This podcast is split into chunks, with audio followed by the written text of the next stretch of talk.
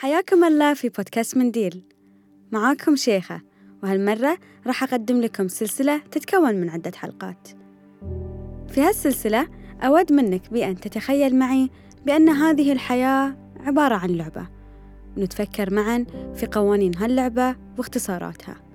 بغض النظر عن إيمانك في هالنظرية أو لا كل ما أحاول القيام به في هالسلسلة هو تبسيط مواضيع تطوير الذات وربطها بهذه النظرية. تقول إحدى النظريات بأن الحياة عبارة عن لعبة. إن كنت قد شاهدت مسلسل بلاك ميرور فلعلك تفهم ما تشير إليه هذه النظرية. ولكن إذا ما شفت المسلسل فبكل بساطة أبيك تتخيل معاي أنك قد قررت يوم من الأيام بأن تلعب لعبة ما. اخترت الشخصية اللي ودك تتقمصها أثناء لعبتك لهاللعبة واخترت المنطقة التي تريد أن تبدأ منها هذه اللعبة على الخريطة. ومن ثم ارتديت نظارات تشبه نظارات الواقع الافتراضي التي نراها اليوم ولكنها بتكنولوجيا متقدمة أكثر وبدأت اللعبة.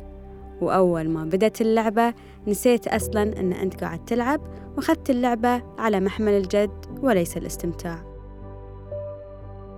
في هذه الحلقة من سلسلة ماذا لو كانت حياتك؟ عبارة عن لعبة سأتحدث عن آلية هاللعبة.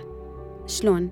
يعني في ألعاب القتال نرى بأن اللعبة تستمر في إظهار الأعداء لك لتستطيع التخلص منهم. وكل ما زادت مهاراتك في اللعبة زاد عدد الأعداء وزادت صعوبة اللعبة.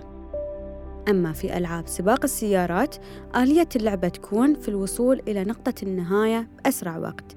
وأيضا كلما زادت مهاراتك ازدادت صعوبة المسار وهكذا. إذا ماذا عن لعبة الحياة؟ وما هي آلية هذه اللعبة؟ هذه الحياة عبارة عن لعبة لحل المشكلات مشاكل عشوائية في شتى المجالات. وكلما انتهيت من حل مشاكل أكثر ازداد مستواك في هاللعبة اللي هو ازداد الليفل اللي أنت فيه وزادت مشاكلك وصعوبة المشاكل. ولكن أيضا كلما ازداد مستواك الليفل اللي أنت فيه زادت امتيازاتك وجودة حياتك. خلونا نرد الأرض الواقع ونتأمل ما يحدث اليوم ما لاحظتوا بأن أغلب قصص النجاح اللي نسمع عنها اليوم يكونون أصحابها قد عانوا قبل أن يصلوا لهذا النجاح؟ أبطال قصص الكفاح والنجاح اليوم اللي نسمع عنهم ونقرأ عنهم قدروا أنهم يتغلبون على التنمر وعلى الفقر والتجاهل وأمراض نفسية ومشاكل عائلية ويمكن مشاكل أكثر وبس لما استطاعوا أنهم يحلون هالمشاكل تجلت لهم المزايا اللي هم اليوم يملكونها من مال أو نفوذ أو شهرة أو توفر فرص أو غيرها من هذه المزايا. اللي أحاول أوصله لك هني هو أهمية الاستمرار في حل المشاكل اللي تواجهها في حياتك وأن لا تستسلم لها أو تتجاهلها أو تؤجل حلها لأن هذا بالتأكيد سيؤثر على جودة حياتك. تذكر المراحل التي مررت عليها في حياتك هذه ماذا لو لم تكمل التعليم في المدرسة مثلا؟ هل كنت ستتحلى بالامتيازات التي تملكها اليوم اجتماعيا ومهنيا وماديا؟ إن كنت تمارس الرياضة أو نظامك الغذائي صحي هل كانت صحتك ستكون مشابهة لو لم تكن صحيا؟ أم أنك اكتسبت هذه المميزات لأنك تخطيت مشكلة ضعف الإرادة ومشكلة تنظيم الوقت ومشكلة وضع الخطة ومشكلة الكسل و و و العديد من المشاكل. اليوم بعض الناس يرتدون نظارة وردية ويعتقد بأنه لا يملك أي مشاكل في حياته وأنه قام بحل جميع المشاكل وكأنه تقاعد من الحياة. ولكن هل تعتقد بأن فعلا الحياة راح تتوقف عن رمي المشاكل عليك؟ مستحيل. المشاكل مستمرة ولن تتوقف.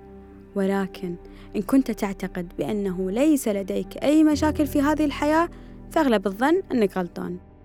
يمكن عندك مشاكل كثيرة أنت قاعد تنكرها أو تتغاضى عنها. وهذا الشيء يخليك عالق في نفس المستوى في نفس الليفل اللي أنت موجود عليه منذ فترة طويلة. عندما تواجهنا مشكلة فنحن نملك عدة خيارات. إما أن أولاً نعترف بوجود هذه المشكلة ونقوم بحلها أو ثانياً أن نعترف بوجود المشكلة ومن ثم نتجاهلها أو ثالثاً نرفض الاعتراف بهذه المشكلة أساساً. طبعا الخيار الأول ألا وهو حل المشكلة هو الحل الأمثل. ولكن دعونا نفكر أكثر في الاعتراف بوجود المشكلة ومن ثم تجاهلها. بالطبع هذا الخيار لا يعتبر خيارا منطقيا ولكن وارد جدا بأن نقع في هذا الخيار دون أن نعي بذلك من دون ما نستوعب أصلا. حاول أن تكتب على ورقة كل الأشياء التي ترغب بها أو ترغب في تطويرها أو أن تتخلص منها لكنك لازلت لم تقم بالعمل عليها. هذا سيساعدك على معرفة المشاكل التي تعرقل تطورك في لعبة الحياة هذه وعن سبب وجودك في نفس المستوى لوقت طويل. ثم حاول أن تفكر في الأسباب التي منعتك من حل هذه المشاكل لتفهم ما هي السلوكيات التي تلهيك ودونها على الورقة أيضا. مثلا مشكلة الوزن الزائد مشكلة عدم الادخار مشاكل اجتماعية أخرى. والأسباب التي تلهيني عن حل هذه المشاكل هي مشاهدتي للمسلسلات لساعات طويلة أو خروجي للقهوة أغلب أيام الأسبوع لساعات طويلة أو حتى غيرها من السلوكيات التي قد تعرقلك سيساعدك هذا النشاط ليس فقط على معرفة مشاكلك بل ستفهم نفسك أكثر وستعرف آليتك في تجاهل الحلول. مثلا المرة الجاية لما تشوف نفسك قاعد تشوف مسلسل كامل في خمسة أيام راح تعرف أنك تملك مشاكل غير منتهية لكنك تتجاهل حلها ومن ثم ستستوعب الوضع وتحاول أن تحل المشاكل الموجودة أما إن كنت تعتقد بأنه ليس هناك أي مشاكل في حياتك بتاتا تساءل إن كنت أنا في لعبة هل وصلت إلى أعلى مستوى في هذه اللعبة؟ هل ممكن أن أتطور أكثر وتزداد امتيازاتي في هذه الحياة؟ أم أنني ختمت جميع المستويات والامتيازات وحياتي أشبه بالعيش في الجنة؟ حينها قد تدرك بأنه يوجد هناك مجال للتطور. ومن ثم حاول أن تعرف الأشياء التي إن قمت بفعلها فستستطيع الوصول لهذا المستوى. والآن قد تكون تعرفت على تحديات هذه اللعبة في المستوى الذي أنت عليه اليوم. وتذكر بأن معرفة المشكلة هو نص الحل. فلا تنكر مشاكلك ولا تلبس نظارة الإيجابية السامة والمبالغ بها بل كن واقعيا في تحديد تحدياتك. بالإضافة إلى ذلك أنصحك أنك تسوي تمرين اسمه عجلة الحياة. سيمكنك هذا التمرين من تقييم جوانب حياتك وتأمل ما يمكن أن يتم تطويره. عزيزي إن كانت هذه الحياة عبارة عن لعبة اخترت أنت أن تلعبها فلا تنسى الاستمتاع بها حتى أثناء حل المشاكل. فلا أحد يختار أن يلعب لعبة ما ليشقى. وهنا نكون قد وصلنا لنهاية الحلقة الأولى من سلسلة ماذا لو كانت حياتك عبارة عن لعبة. إذا عجبتك الحلقة شاركها مع أصدقائك وأهلك لتعم الفائدة. ولا تنسى الاشتراك في القناة ليصلك كل جديد.